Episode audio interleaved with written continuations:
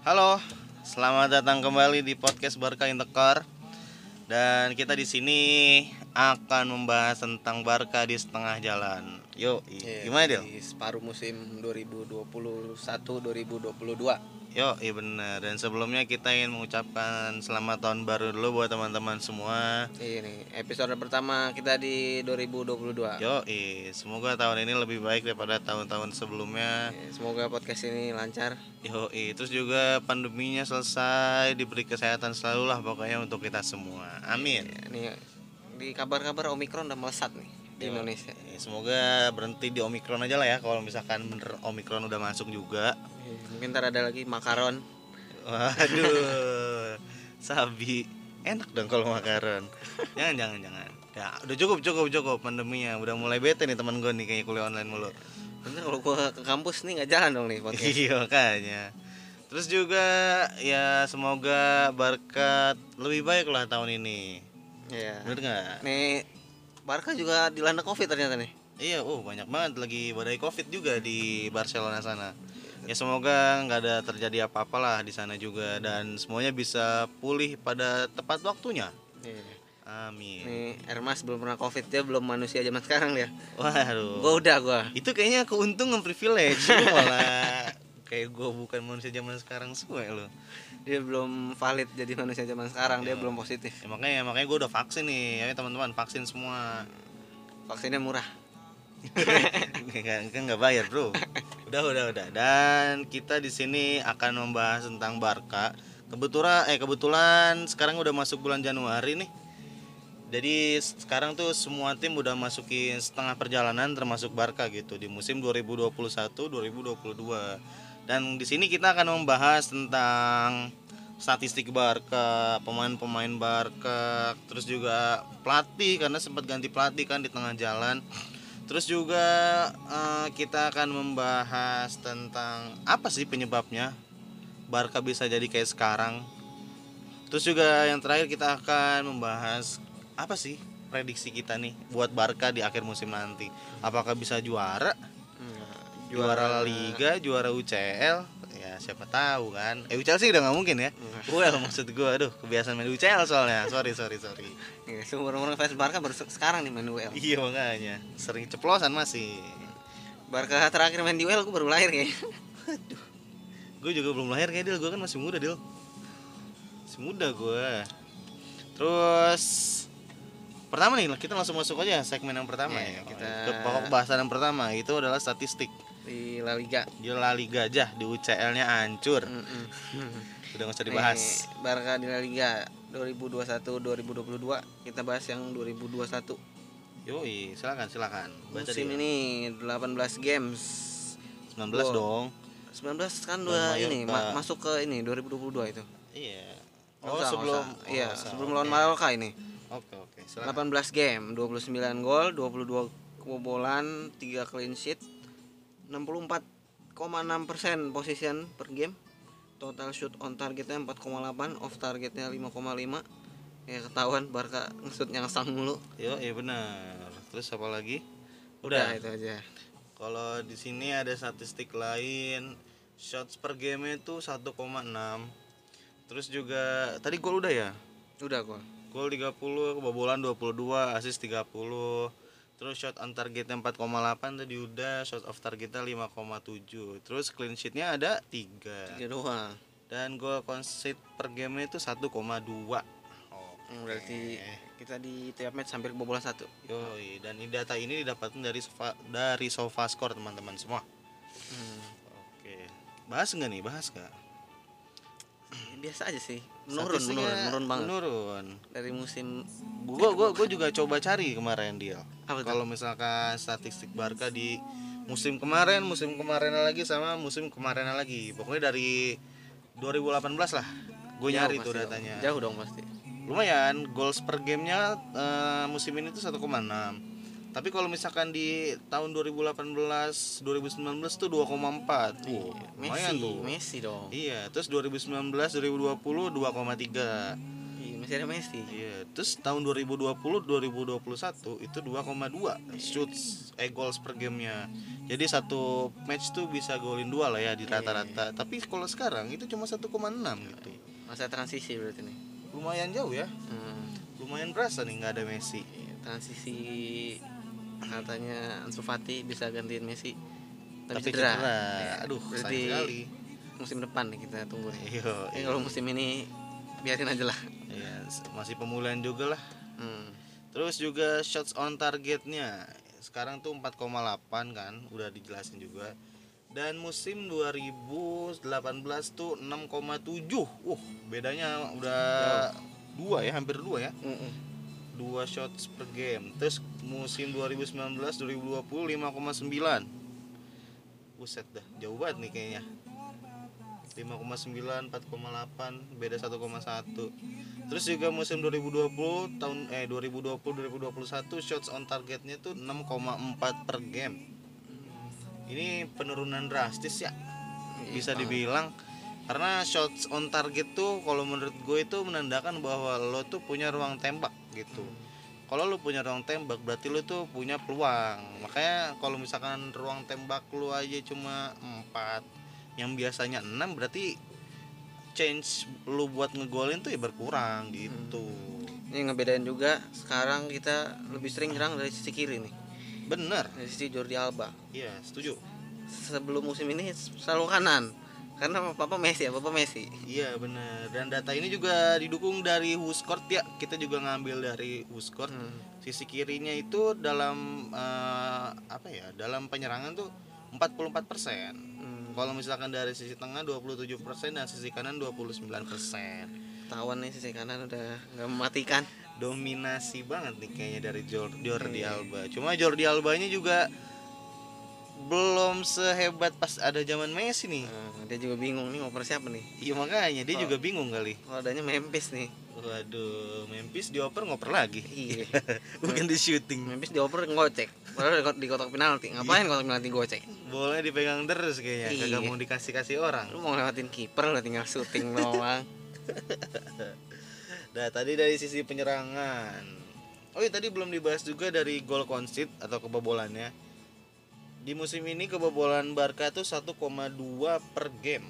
Hmm. Berarti kebobolan satu gol lah ya. Hmm. Dan musim sebelumnya itu tahun 2020 2021 tuh cuma satu cuma 1,0 2019 2020 cuma 1,0 dan 2018 2019 0,9 per game itu menandakan bahwa ya sebenarnya dari gol concede itu nggak beda jauh. Berarti menandakan bahwa ya defense Barca ya nggak berubah gitu menurut Karena gua. belum ya gitu-gitu aja.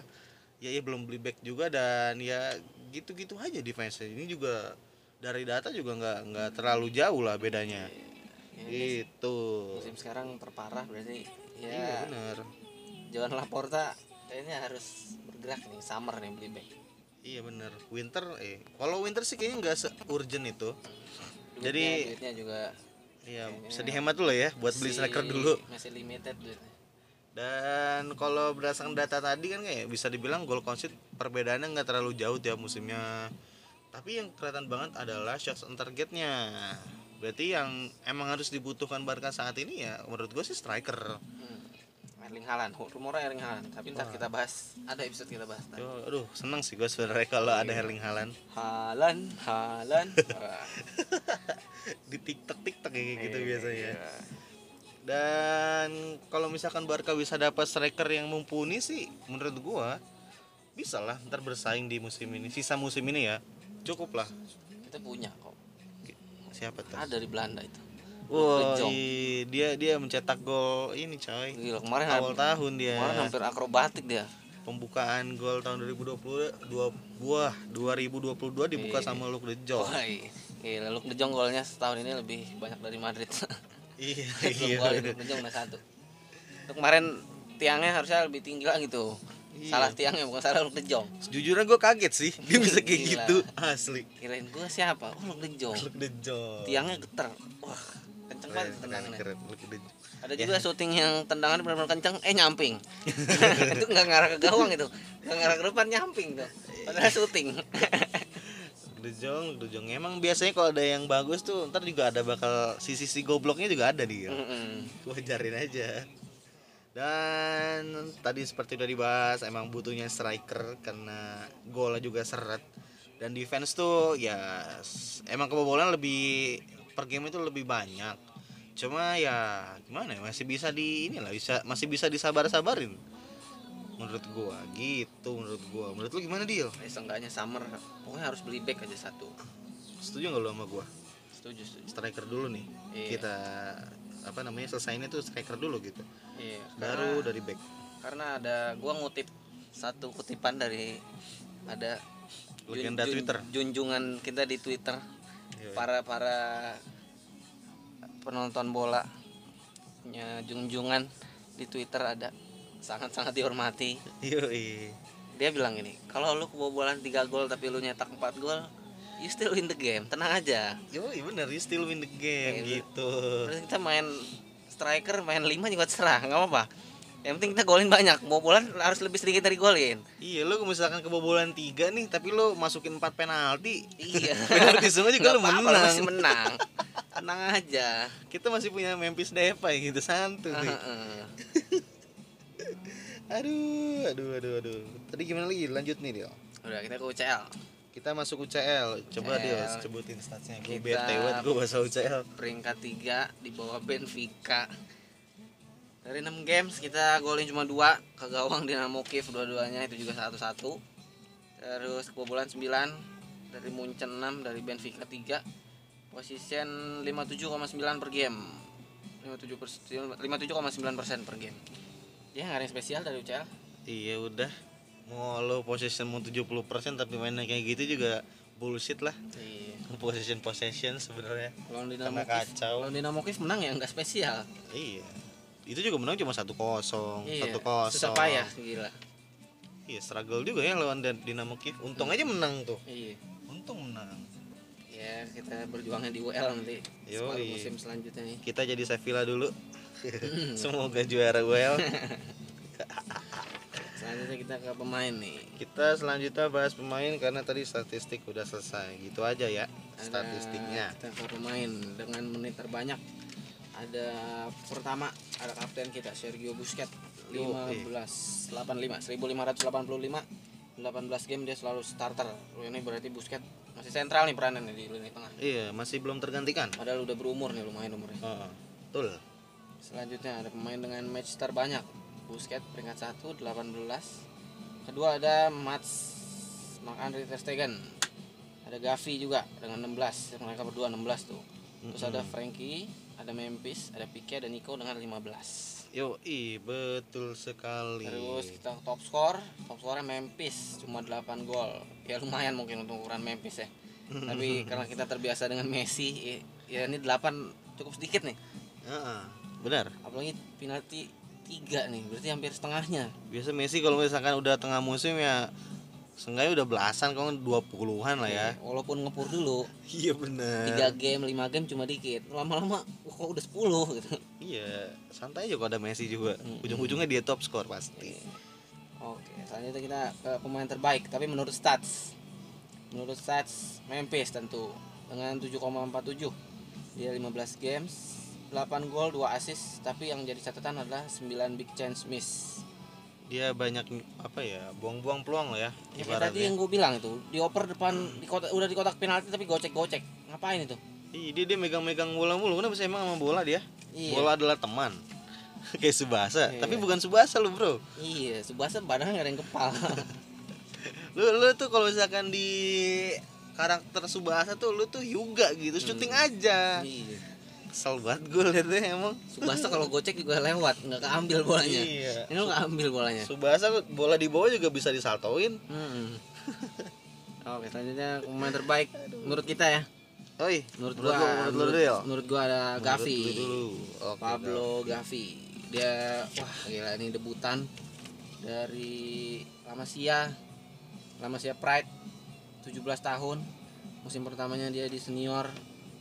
Dia main 16 games, Mhm. 13 kali starter, 3 kali jadi super sub eh dari substitution. Dia debut lawan Getafe. di game berapa game pertama atau game kedua eh game ketiga game ketiga Hmm. dia udah nyetak satu gol 3 assist 89% passing akurasi 4 big chance created dan satu man of the match ih. ini menurut gua nih yang spesial dari Gavi itu ya kita tahu sendiri lah kalau kita nonton Barca musim ini yang kelihatan pasti Gavi dia Ah. di mana mana terus ngotot mainnya pemain ditabrak-tabrakin aja sama dia Iya, padahal bener. badannya ya nggak gede-gede amat gitu Dia juga nggak nggak mandang umur ya. iya masih badan anak muda emang anak muda Tabrak-tabraknya yang udah nggak mandang umur lagi, keren keren. Tapi- Semangatnya keren. ngototnya determinasinya ya kita jadi jatuh cinta gitu sama Gavi siapa fans Barca yang nggak jatuh cinta sama Gavi sekarang nggak ada kayaknya Iya makanya karena dia mainnya kelihatan pakai hati gitu. Dia nggak mau kalah. Itu itu yang sebenarnya ditunggu-tunggu gitu iya sama fans Barca. karena kita lihat pemain-pemain senior udah loyo yang dibutuhin ya Gavi nih Iya benar. Setuju gue setuju. Gavi visi- keren visi- dia. visi main dari Gavi ya wajar kalau masih ya produk gelandang-gelandangnya pasti pada kreatif kreatif Tapi ya emang catatan buat Gavi sih dia harus lebih ini lagi kalau misalkan mau duel. Maksudnya dia gampang banget pelanggaran masalahnya sama kartu. Hmm, masih ini apa semangat anak muda yang masih Iya, membara makanya. ya Harus ada taktik-taktiknya dikit. Nah, ya dari gua itu menurut gua menurut lu siapa mas pemain terbaik menurut lu mas Menurut gue sih Busquets. kenapa tuh mas Kalau menurut gue sih Busquets masalahnya dia mainnya juga paling banyak kan berarti tandanya dia tuh nggak tergantikan. Kalau misalkan untuk saat ini terus juga di lini tengah tuh kayak sentral banget gitu.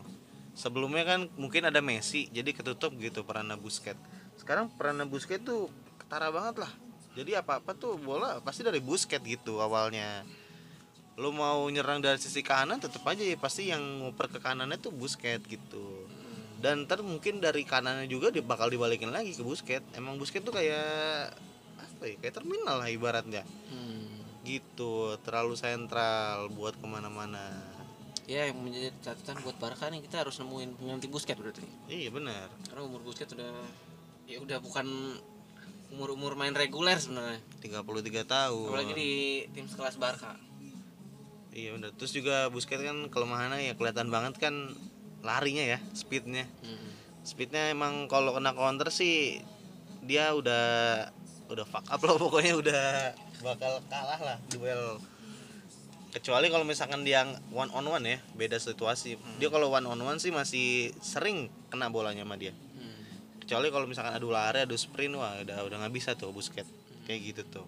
Jadi ya mungkin kalau untuk saat ini ya pesan kalau misalkan gue boleh pesan buat Safi sih lu siapin strategi aja gitu buat anti counter attacknya. Karena Busquets tuh nggak bakal sekuat itu nahannya. Jadi ya bisa dipersiapin tuh ya Des atau mungkin siapa gitu atau posisi-posisi dari back tengahnya tuh supaya bisa nutup gitu. Hmm. gitu aja sih menurut gua. Tapi Busquets sih keren banget sih musim ini. Dia improve nya lumayan banyak. Karena tahu kali ya dia emang lagi dibutuhin gitu. Hmm. Luar biasa Busquets. Terus siapa lagi nih? Tadi udah. Asis asis udah belum? Udah udah. Asis paling banyak Alba Hmm. 4 asis. Tapi menurut gua performa Alba juga nggak sespesial pas ada Messi ya. Iya dia nggak ada tandem. Iya, belum ada tandem yang pas gitu. Jadi crossing itu masih sering mubazir lah ibaratnya. Hmm. dia juga kayaknya merasa nggak ada pesaing. Jadi udahlah. Iya, mungkin dia udah senior nggak ada pesaing, jadi mainnya terlihat agak lebih santai sih sebenarnya. Tapi kalau urusan defense sih masih masih oke. Kalau ya kalau misalkan kebiasaannya masih nggak dihilangin sih nggak ngerti lagi gua. Hmm. Suka tiba-tiba error, tiba-tiba hilang fokus, itu sih yang Hmm. jeleknya dari Albas tuh gitu terus kita ngelis juga bacaan aja kali ya listnya pemain yang terburuk aja. Karena ada pemain terbaik pasti ada pemain terburuk. Dulu kita pemain terbaik dulu. Pemain terbaik menurut gua itu adalah Busquets, Gavi, Araujo sama Nico. Iya udah jelas ya ini, mereka. Ini jelas kelihatan. banget gitu. Kalau salah satu dari mereka nggak main aja. Ya kita udah kelimpungan. Waduh kok begini nih iya terus yang lumayan tuh Pique, Alba, Frankie De Jong, Depay sama Dembele. Ya sisanya sih biasa aja terus yang ditunggu-tunggu tuh ada Ansu Fati, Oh, iya, dia- Pedri yang harus cepet-cepet lah pulih dari cedera ini supaya sekarang udah ada warna baru sekarang udah pulih eh positif covid aduh bener dah Heeh. emang emang nggak direstuin Barca juara tahun ini tuh Iya. Kasihan Xavi. kasihan Safi anak, anak muda sekarang nih. iya benar terus juga yang ditunggu-tunggu tuh ada Alves juga ya kan Oh iya, debut kedua Alves. walaupun dia udah berumur cuma nggak tahu sih gue masih ngerasa Alves tuh masih bisa lah main Ya, mengingat sisi kanan kita juga nggak jelas. iya benar Serginho Des nggak jelas.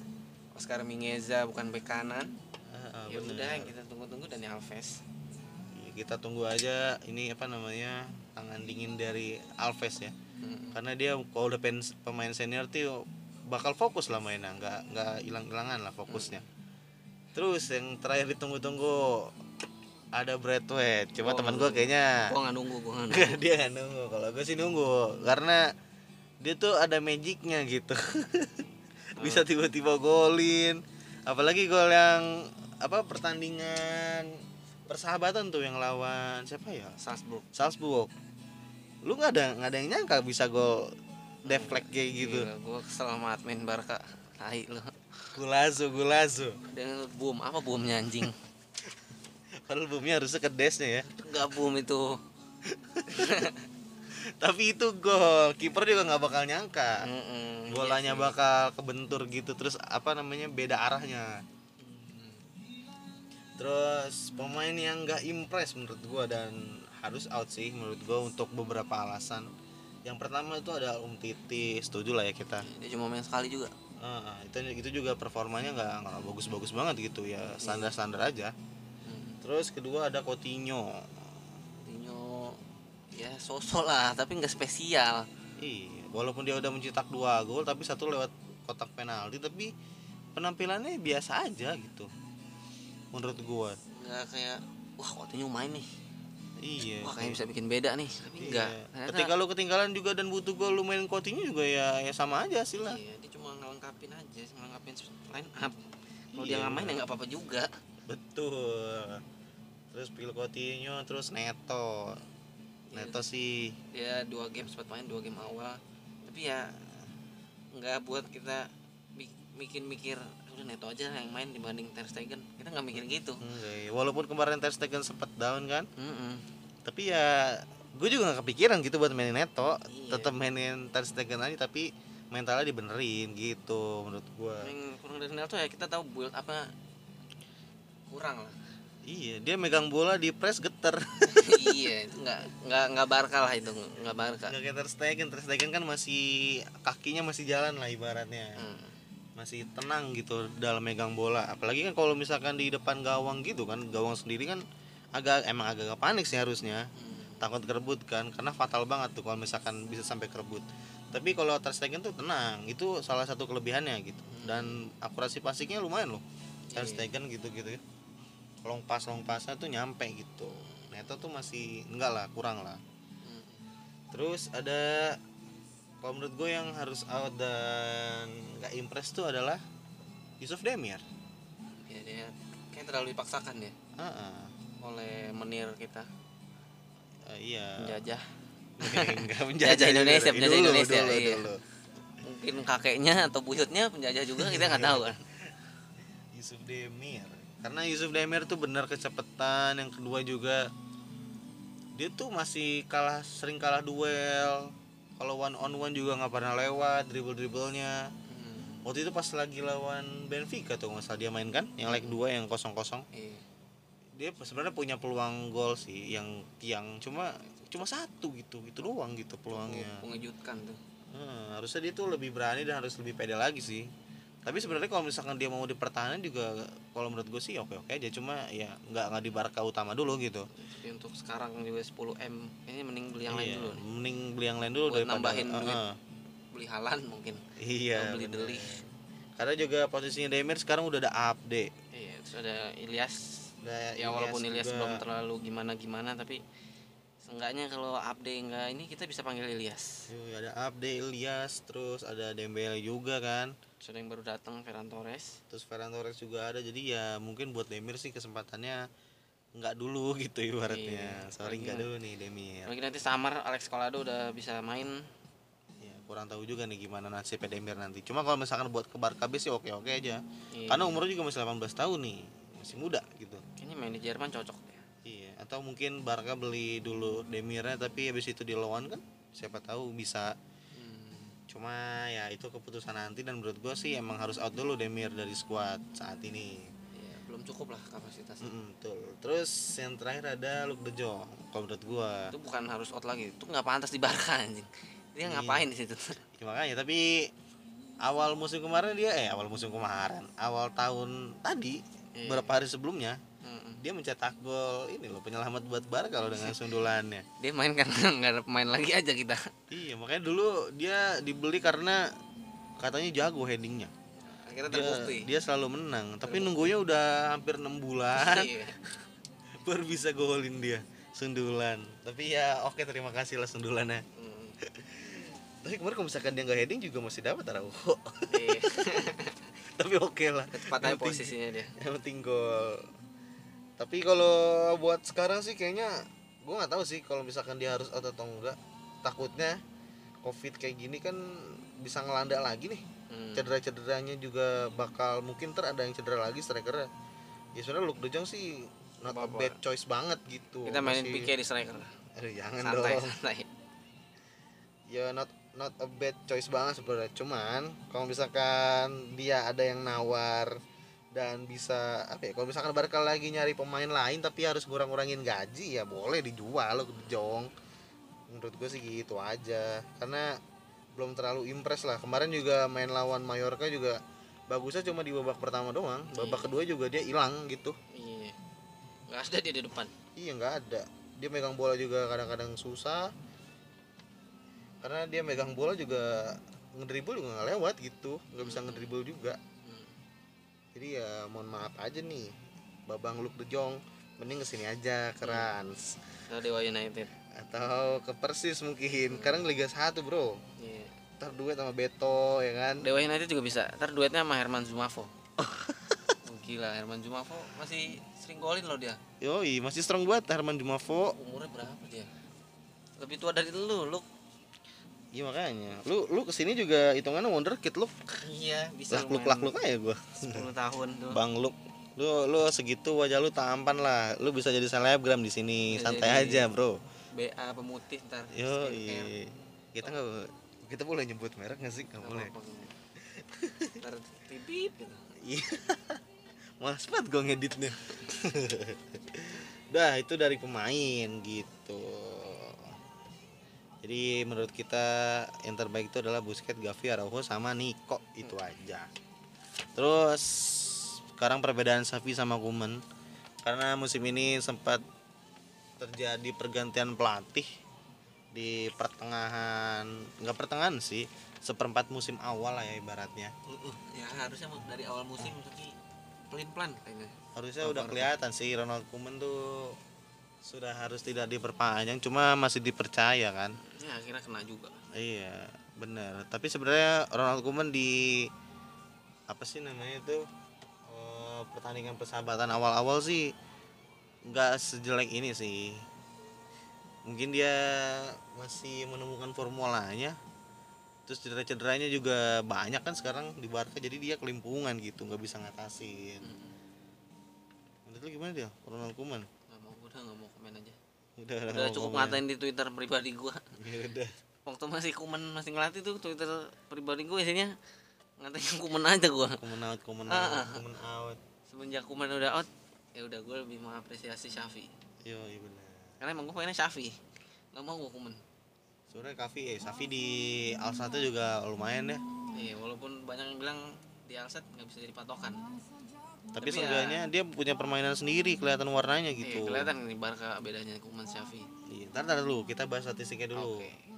Koeman Safi sebenarnya pergantian pemain eh pelatih itu ada tiga kan satu lagi tuh ada Barjuan cuma ya Barjuan cuma ngamanin poin aja lah ya.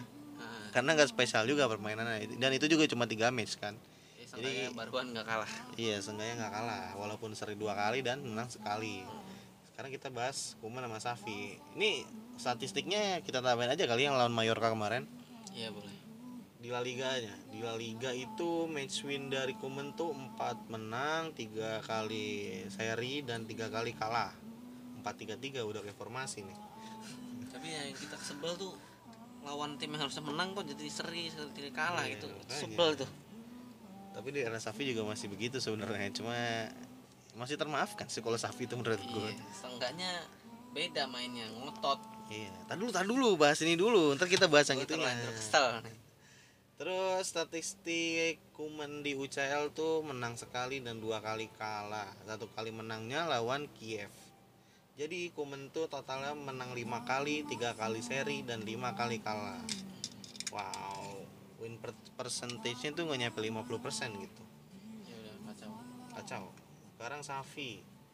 Safi itu di La Liga menang 4 kali dua kali draw dan satu kali kalah. Di Liga Champions satu kali draw satu kali kalah gitu. Jadi Safi itu empat kali menang totalnya empat kali menang tiga kali seri dan satu kali kalah gitu.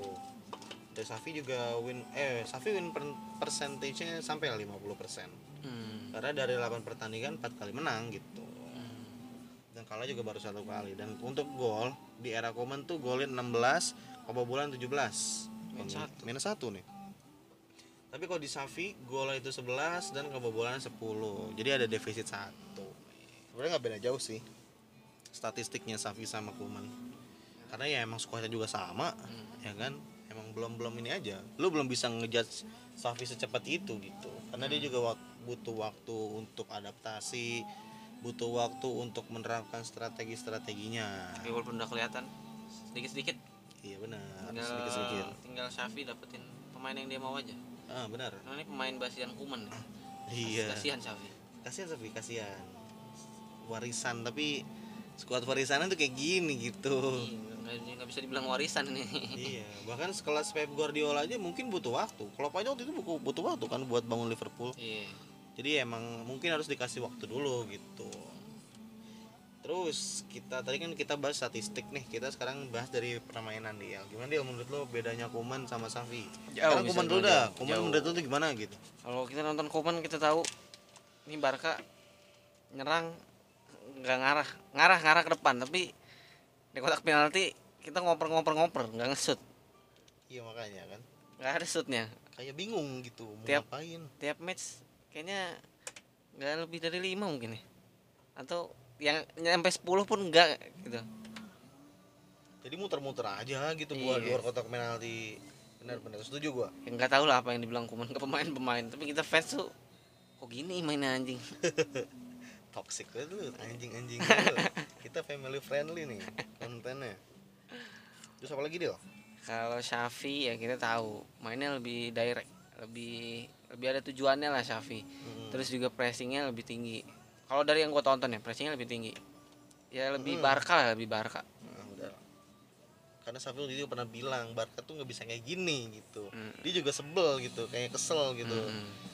Gue gue suka sih statement Safi yang itu. Barca tuh harusnya emang jadi juara gitu. iya ya tapi keren statementnya. ya dengan squad Mantap squad sekali. musim ini nggak bisa juara lah mungkin Shafi bisa juara musim depan atau musim depannya lagi Yo, iya, karena ini semoga. lagi transisi dan masa ngebangun lagi nih Ya, semoga musim ini di sisa-sisa waktu, apalagi transfer winter masih ada, ya bisa dipakai kali ya sama Safi. Iya, tapi kayaknya Shafi benar-benar dapetin pemain yang dia mau cuma eh di summer nih. Karena dia harus dapetin pemain yang dia mau sama buangin pemain yang enggak dia mau.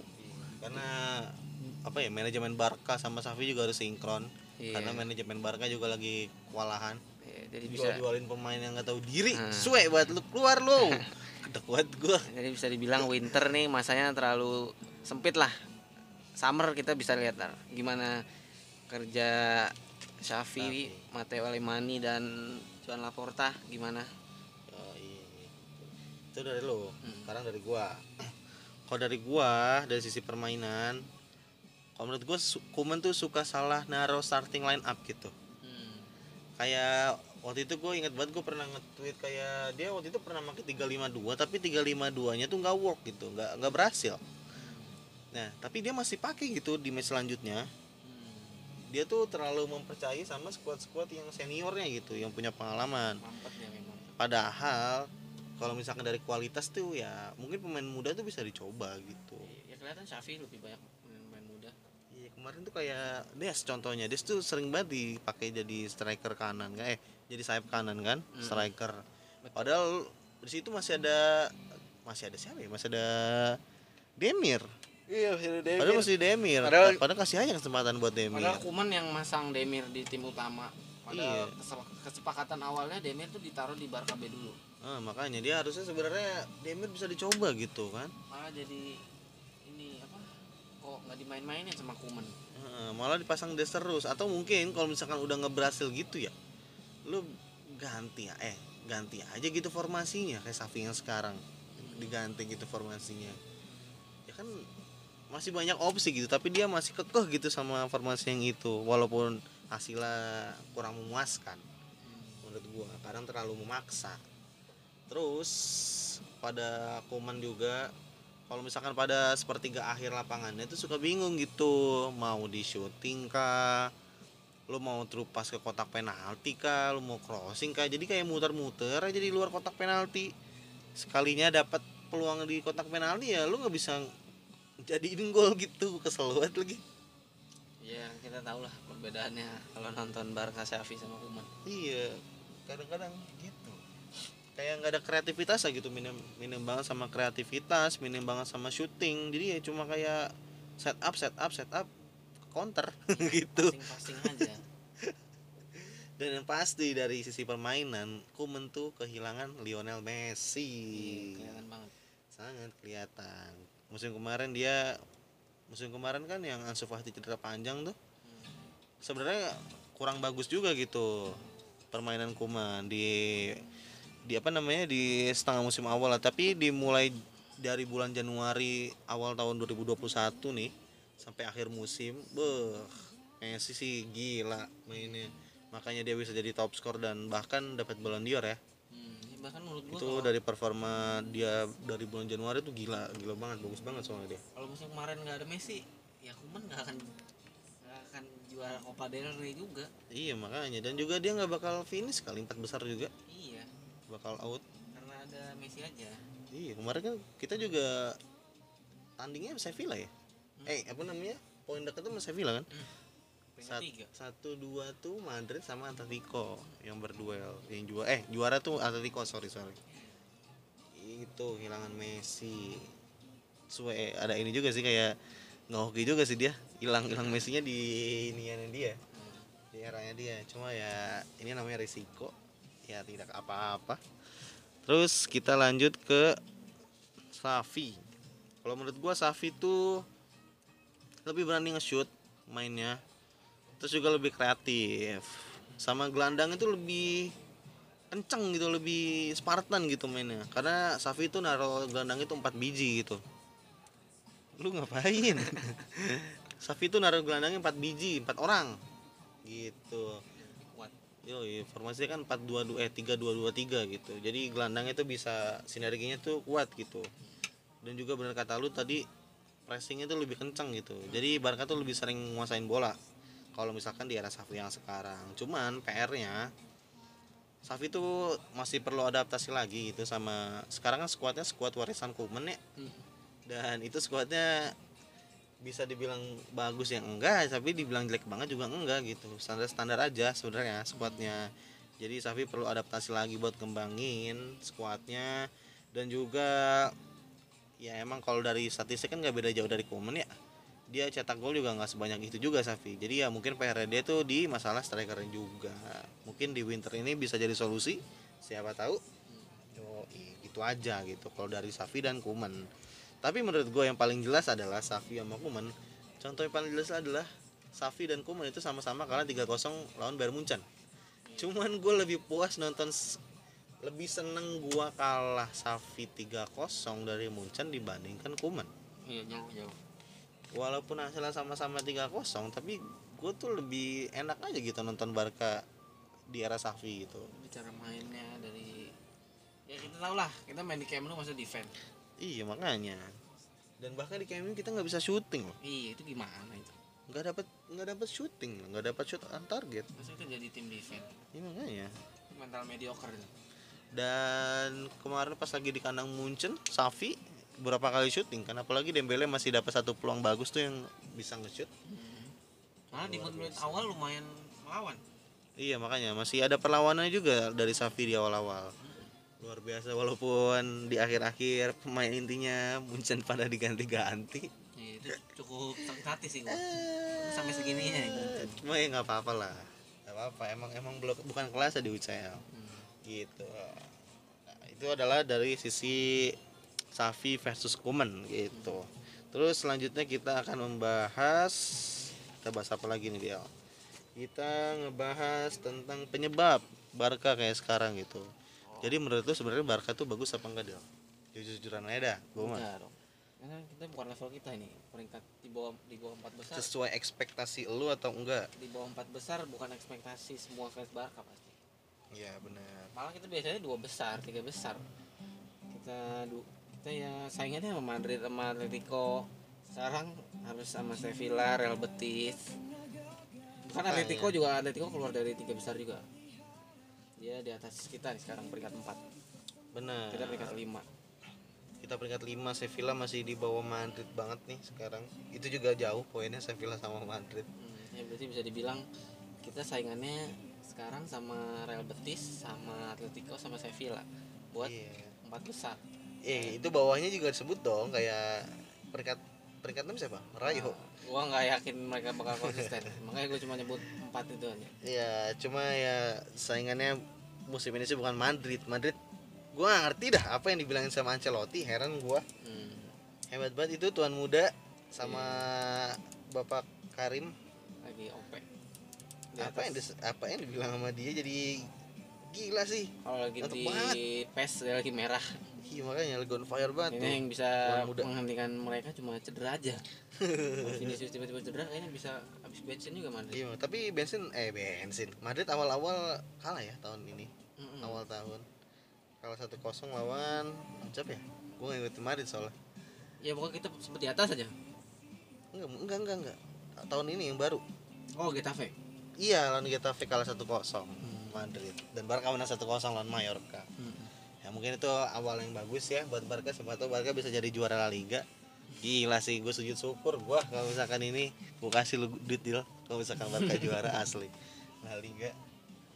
Luar biasa. Jadi gimana menurut lo penyebabnya gimana? Mungkin Kenapa Barca nggak sesuai ekspektasi lo? Kenapa mungkin kalau misalkan menurut lo Barca jelek, kenapa gitu ya penyebabnya? kita tahu semua pemain-pemain pada cedera itu. Itu bisa ya kita tahu lah satu cedera semua cedera. Yoi, belum lagi Covid. Ya ini baru sekarang nih covid nih. Tapi ya itu yang paling kelihatan cedera. Kayak ini baru pulih, ya ada yang cedera lagi, ada yang pulih cedera lagi. Nggak habis-habis jadinya. Iya bener cedera Jadi sih. ya belum pernah benar-benar full tim gitu kita. Cederanya tuh kadang-kadang ganti-gantian, kadang-kadang suka barengan cederanya. Tapi kayak nggak dikasih napas gitu pasti setiap ada yang habis selesai cedera ada lagi yang cedera gitu. Iya, kasihan. Gak ngerti Iya. gua kenapa itu. Semoga udah pada pulih pulih pulih nggak ada cedera-cedera lagi lah. Semoga ada lewat lah badai-badai cederanya. Tapi cedera itu sebenarnya ada hikmahnya buat Barca nih. Yo, iya benar ya. Jadi Barca bisa ini main-main main-main mudanya nih. Main-main yang banyak debutan-debutan lah di musim ini. Contohnya, Contohnya ada S Abde, kita tahu Eza Zozozo Abde. sih. Gavi juga debutan musim ini. Gavi, Iya, Nico, Ilyas Akoma. Terus ada Alejandro Balde juga debutan. Hmm, Ferran Jutgla juga masih ada. Tapi selanjutnya udah dua-dua nih. Iya, Ya. tapi tapi masih hitungannya debutan. Hmm. Kan dia baru masuk. Ini tercatat pemain U21 Barca tuh udah terbanyak nih di separuh musim. Dibanding klub-klub lain, Barca udah 5073 menit mainin pemain U21-nya dengan Eric Garcia. Pegang menit terbanyak 1101. Nah, itu pemain-pemain U21 yang main tuh tadi yang udah disebutin ditambah lagi Eric Garcia, Hmm. Ansu Fati sama Pedri dan Abde dan juga Yusuf Demir. Hmm, luar biasa. ya apalagi ini dari semuanya nih bisa dibilang setengahnya tuh tumpuan Barca banget musim ini gak sih kayak Eric Garcia, Gavi, Nico, Ansu, Pedri tuh bisa dibilang Pemain-pemain penting. iya tapi masih U21 tuh udah kelihatan nih prospek Barca bagus lah Iya. Iya benar. Apalagi kalau misalkan kita ngebahas Gavi sama Niko. Sebenarnya Niko tuh di era Komen tuh nggak sebagus ini ya, teman-teman. tapi di era Safi dia bush ningkatnya keren banget. Makanya kalau misalkan kalau kalian lihat statistiknya di SofaScore atau di mana ratingnya Niko tuh nggak sebagus itu gitu. Tapi kalau misalkan kalian nonton secara langsung kalian tahu kenapa kita bilang Niko tuh bagus gitu. Hmm, ya walaupun yang jadi permasalahan Niko sebenarnya apa ya mungkin fitnessnya atau stamina nya bisa Heeh, bener. Karena kalau main 90 menit dia kayak kewalahan gitu. Makanya sering diganti atau sering main dari bangku cadangan. Dia juga sebenarnya nggak nggak sering bikin error dan juga yang pasti tuh dia tuh kayak Frankie De Jong ya ibaratnya. Dia tuh sering ngedribble maju gitu. Dan emang berhasil gitu buat mecah pertahanan musuh. Dan tapi ya emang butuh chemistry lagi sih di depannya. Dia kadang-kadang ya masih suka salah crossing lah ibaratnya terus keputusan-keputusan juga masih kurang mantap. Dan apalagi kadang-kadang dia suka, suka apa ya suka syuting-syuting tapi syutingnya nggak tahu ke mana gitu. Hmm. ya, tapi nggak apa-apa. Tapi nggak apa masih muda. Seenggaknya dia udah punya udah punya feel lah ibaratnya udah ngerasain. Kalau misalkan dia pengen nyetak gol gitu. Dan dia juga nggak jelek-jelek banget kan? Dia udah golin dua sejauh ini. Hmm. oke lah oke oke. Kayak kita bilang Niko tuh bagus gitu alasannya Niko Gavit terus apalagi deal yang penyebab kita balik lagi sama penyebab yang tadi. Selain cedera ini pergantian pelatih juga penyebab sih? Mm-mm, pasti dong. Harus adaptasi lagi kan? Hmm. terus ya kita lagi masa-masa bangun squad lagi itu juga bisa dibilang penyebab. Pemain-pemain nggak pemain-pemain sih ya. Messi keluar tapi ke- kelihatan banget kayak pemain-pemain ya. Padahal cuma satu pemain Iya. Kan yang ngebedain Barca tim inti sama tim enggak inti ya cuma ada Messi sama enggak doang. tapi kelihatan. Terus juga kayaknya juga musim depan kita main-main senior juga udah mulai nggak main reguler lagi. Mm. ini sekarang nih masih campuran nih. Tapi kita udah ada bangunannya nih. Kalau bicara bangunan ya kita udah ada fondasinya. Tinggal di di semen di aci. Jadi itu ntar Ya benar. Kita harus makanya ini musim ini bangun lagi lah ibaratnya. ya udahlah kita nikmatin aja Heeh, betul. Mungkin sekarang musim-musim terakhir dari pemain-pemain senior ya Mm-mm. mungkin bakal diganti musim depan.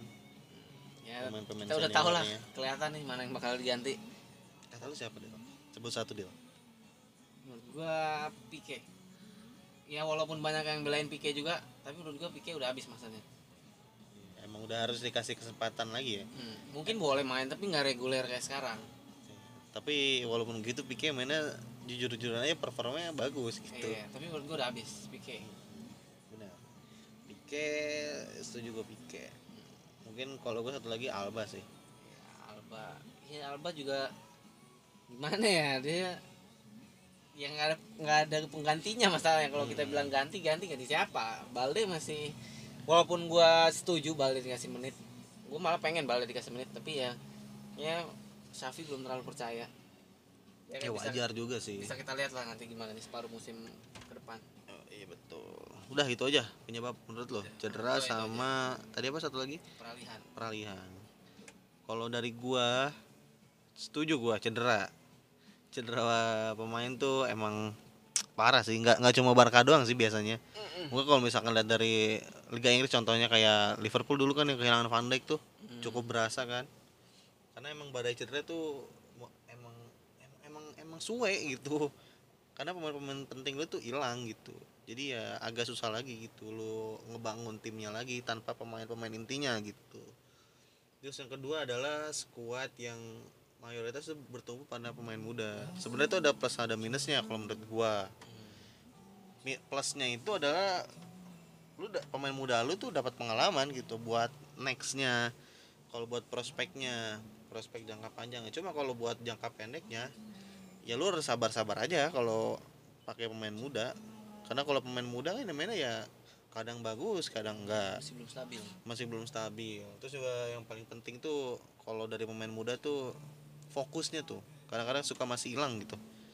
Jadi ketika lo main babak pertama yang bagus banget nih babak kedua tuh lu bisa nggak kelihatan gitu main mudanya ke mana gitu. Dribble kadang-kadang masih suka salah dan yang pasti sih keputusan-keputusan dia yang diambil di lapangan tuh masih kadang-kadang tuh masih banyak yang belum tepat gitu. Misalkan dia mau gocek kah atau mau ngoper kah atau mau syuting kadang-kadang tuh masih ragu-ragu. Jadi momentumnya tuh keburu hilang duluan gitu kalau pemain muda biasanya. Hmm. gitu. Dan di Barca juga pemain mudanya masih kayak gitu gitu masih angin-anginan. Dan yang paling penting lagi kalau pemain muda tuh biasanya masih kalah suka dues masih suka kalah duel. Hmm. kalau one on one biasanya. Nah itu tuh yang harus apa ya harus cepet diperbaiki lah sama Safi jadi pemain mudanya tuh dimatangin buru-buru gitu. Jadi jadi apa ya kayak Barca tuh udah siap bertempur lagi gitu dengan pemain muda tapi dengan yang lebih matang gitu. Jadi biar bisa ikutan ngejar piala juga nantinya Ya bagusnya juga mental pemain muda udah pada kebentuk nih. Heeh, sedikit-sedikit sudah mulai terbentuk gitu. Terus tadi udah bilang apa? Udah ngebilang kalau misalkan suka hilang fokus, terus juga mentalitasnya karena menurut gua Barca tuh kalau udah main babak satu bagus, babak duanya suka ngaco gitu. Iya, padahal main bola 90 menit, Con. Iya bener 40 menit aja. 45 Iya, bukan 45 menit aja. Iya bener Makanya kadang-kadang babak satu udah keren banget nih Kayak lawan Celta Aduh gue kesel banget Itu sumpah. itu benar-benar ini kita kita udah yakin oh, kayak ngebantai nih. Wah gila bagus banget udah ngebantai 3-0 loh 3-0 dua ya? bisa- 3-0 kan? Ini babak 2 bisa lah 5-0, 6-0. Eh, Eh, tiga nggak sama bro. Ya sama. itu tuh bukan cuma satu game doang sering itu kayak gitu tuh masalahnya Mm-mm. itu tuh menurut gue sih masalah mental ya sama fokus kalau yang kayak gitu. Terus penyebab permasalahan lain tuh adalah strategi. Mungkin dengan skuad yang seadanya strateginya juga nggak bisa diterapkan gitu sama pemainnya. Jadi mungkin harus strateginya tuh diubah-ubah lagi atau mungkin pendekatan-pendekatan pelatih sama pemainnya tuh ditambah lagi gitu. Tapi sekarang kalau gue lihat dari channel YouTube-nya Barca kalau lagi latihan tuh ceria gitu mukanya. Iya. ada suasana-suasana yang berbeda lah dibanding era Kuman ya semoga aja itu hal yang positif. Nggak cuma latihan terus hening doang. iya makanya. Terus gue setuju sama masa peralihan pelatih. Karena pelatih itu punya idealis masing-masing punya strategi masing-masing. Jadi kalau misalkan lu ganti pelatih ya bakal ganti juga gitu polanya. Pola pelatihannya pola segala macam lah pokoknya. Jadi lu harus adaptasi lagi. Terus yang terakhir itu adalah tidak bisa membalikan keadaan jadi kalau misalkan Barca udah kalah di babak pertama babak kedua tuh udah susah. Susah dah. Susah udah. Lu mau ngebalikin mau jadi menang comeback comeback kan udah kagak bisa kayaknya. Barca musim ini karena ya emang pertama main muda isinya terus juga Barca tuh nggak punya breaker gitu. Hmm. contohnya kayak Messi. Bisa sih pakai Dembele cuma kadang-kadang Dembele itu aduh gue suka masih kesel banget dia ngambil keputusan lama banget masih suka bingung mau golin kak. Apa mau nge-shoot mau gocek lagi. Masih suka lama gitu jadi momentumnya hilang gitu. Nggak ada yang tahu isi pikirannya. iya makanya. Boleh kalau selain itu juga ada Memphis yang tiba. Tinggal syuting aja itu masih lama banget megang bolanya. Kita juga bingung, ah, ini mau ngapain anjing? ya, makanya. Mau tinggal syuting aja. tinggal syuting doang aja masih ngoper-ngoper yang lain. Kadang-kadang bola apa bolanya masih dipegang-pegang. Sosok mau gocek kiper lagi. Aduh padahal tinggal syuting aja masuk mas bro mas bro. Ada yang terakhir. Eh satu lagi nih penyebab permasalahan Barca sekarang. Ini mungkin permasalahan yang sangat berat sih kayaknya. Itu adalah ekonomi. Oh iya finansial. finansial. Finansial tuh lu nggak bisa ngelak lagi sih. Kalau finansial lu bagus sih lu bakal dapat squad yang bagus juga gitu. Kita di awal musim terseok-seok ya. iya benar Daftarin pemain aja harus ngeluarin pemain dulu. salah satu peralihan Barca tuh nggak- nggak ada Messi nggak adanya Messi lu mau sebenci apa pun sama Messi tapi kalau misalkan nggak ada Messi tuh ya Barca beda gitu Hmm. Setengah nyawa Barca tuh di Messi. iya bener lagi juga kalau misalkan biasanya juga yang golin Barca tuh ya Messi Messi doang anjir Hmm. gitu sih menurut gua masalahnya tuh ya itulah Messi keren Messi tuh luar biasa.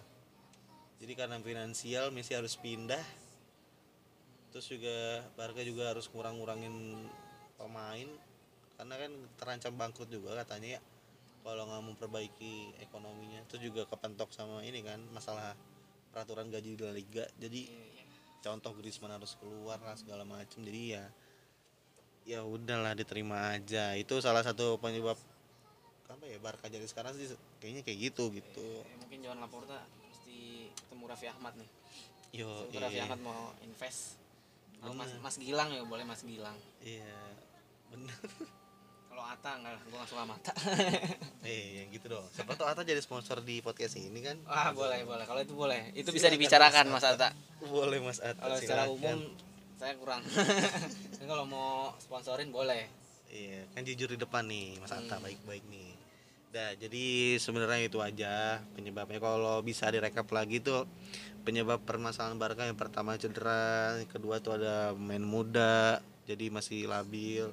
Yang ketiga tuh mentalitas, strategi, masa peralihan pelatih.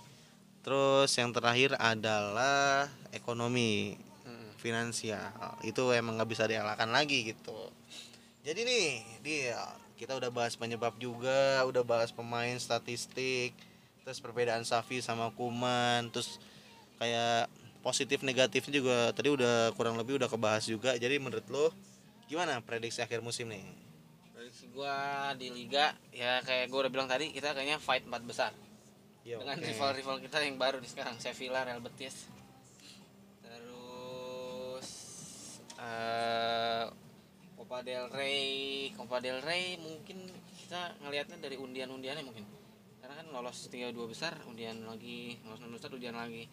Kalau ketemunya yang gampang-gampang dan dengan skuad yang udah mulai pulih-pulih mungkin bisa juara. Bisa ya, bukan pasti juara, kayak bisa juara. Atau pasti final lah kalau menurut gua. Kalau di UL sekarang kita main di UL, UL mungkin ya perempat final lah mungkin. Tapi ini pertama lawan Napoli juga berat, cukup berat. Tapi menurut gua perempat final juga udah bagus iya, udah keren lah. oke Itu prediksi dari gua nih. Kalau dari gua juara nih, kalau menurut gua Barca tuh juara tiga lah.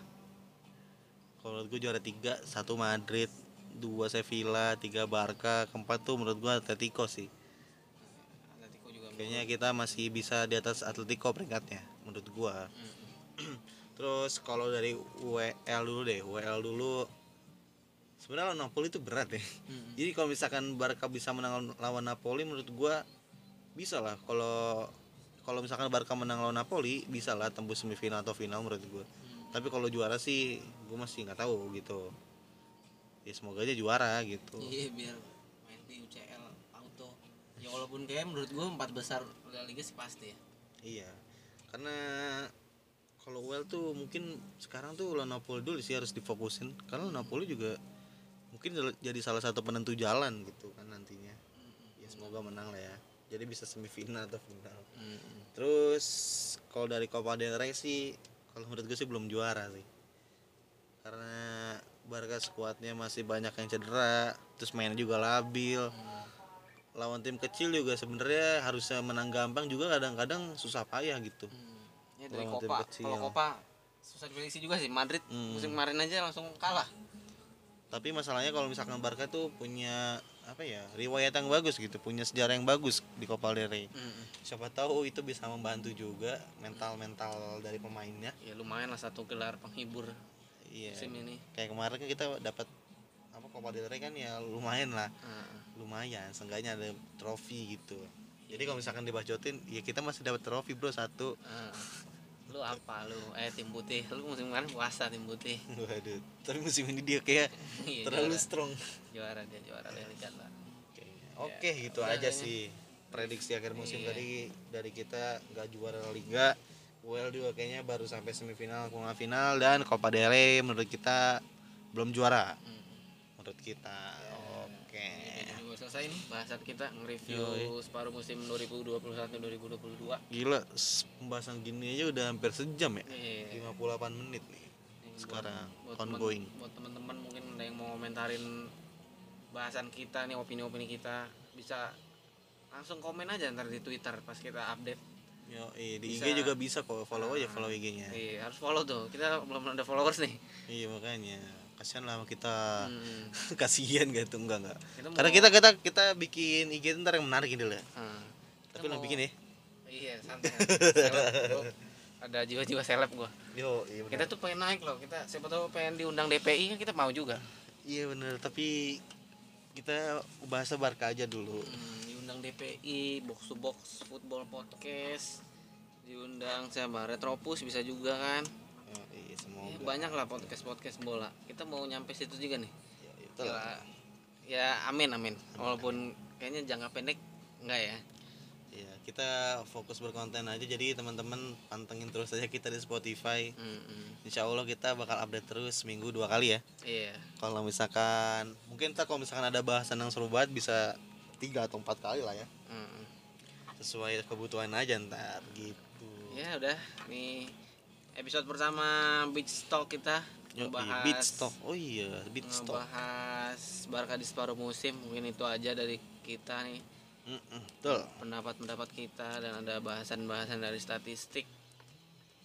Ya buat teman-teman jangan lupa di follow Spotify kita biar kalau ada episode baru ada di notifikasi. Heeh. biar nggak ketinggalan. Sama follow sosial media kita di Instagram dan Twitter namanya @barkainekar sama dua-duanya iya betul. Kalau misalkan mau follow kita di sosial media boleh, Ya, silakan. ada di kok description di description. Spotify Yoi, keren. siapa tahu mau kenalan sama gua Ermas juga dua-dua kita jomblo kok Gila lu jomblo mulu ngomongnya. jomblo gua jomblo ya udah Jadi gitu aja teman-teman Ah. semua. Selamat tahun baru dan enjoy your day. Bye bye. Thank you. Dah.